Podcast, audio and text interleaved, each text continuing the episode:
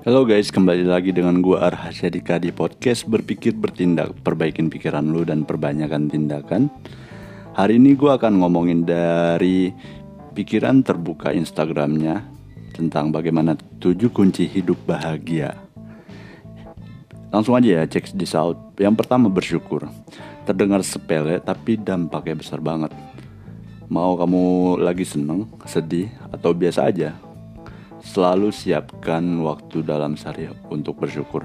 Jadi kalau misal lu sedang ada masalah, kenapa kita tidak menarik segala sesuatu hal untuk disyukurin aja, ya enggak?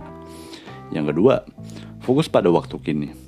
Kebahagiaan muncul pada saat ini juga, bukan pada masa lalu atau masa depan. Tarik nafas yang dalam, slow down, and living in the moment. Kadang kita selalu ya pengen uh, menarik segala sesuatu ke belakang, dan selalu menarik dengan harapan mimpi yang di depan. Mending menurut gue di hidup waktu sekarang aja. Yang ketiga, mengatur waktu. Waktu tidak bisa kita ulang kembali. Jadi sebagai kita atur dengan bijak agar dapat dihabiskan untuk kegiatan yang penting terlebih dahulu. Kalau misalnya lu bisa memanage waktu lu secara baik dan benar, menurut gue itu menjadi fokusan yang harus dilakukan sih sekarang. Masa lu mau buang-buang waktu terus sih? Ya enggak yang keempat aktif memberi.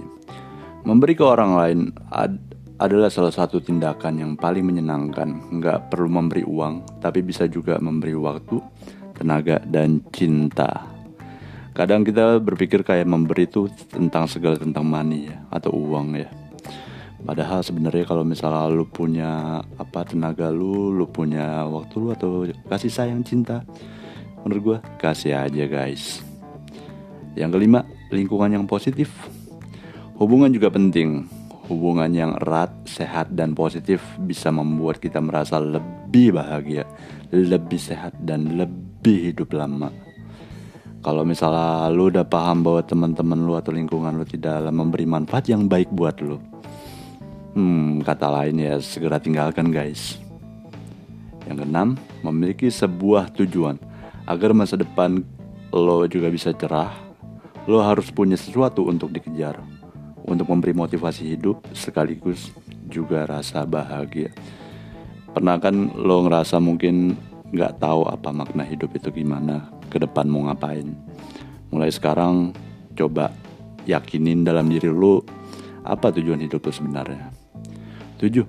Jaga kesehatan.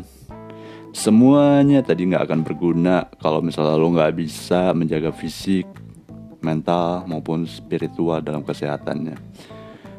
Bela mulailah dari sekarang menurut gue untuk lo berolahraga, tidur yang cukup, makan yang sehat.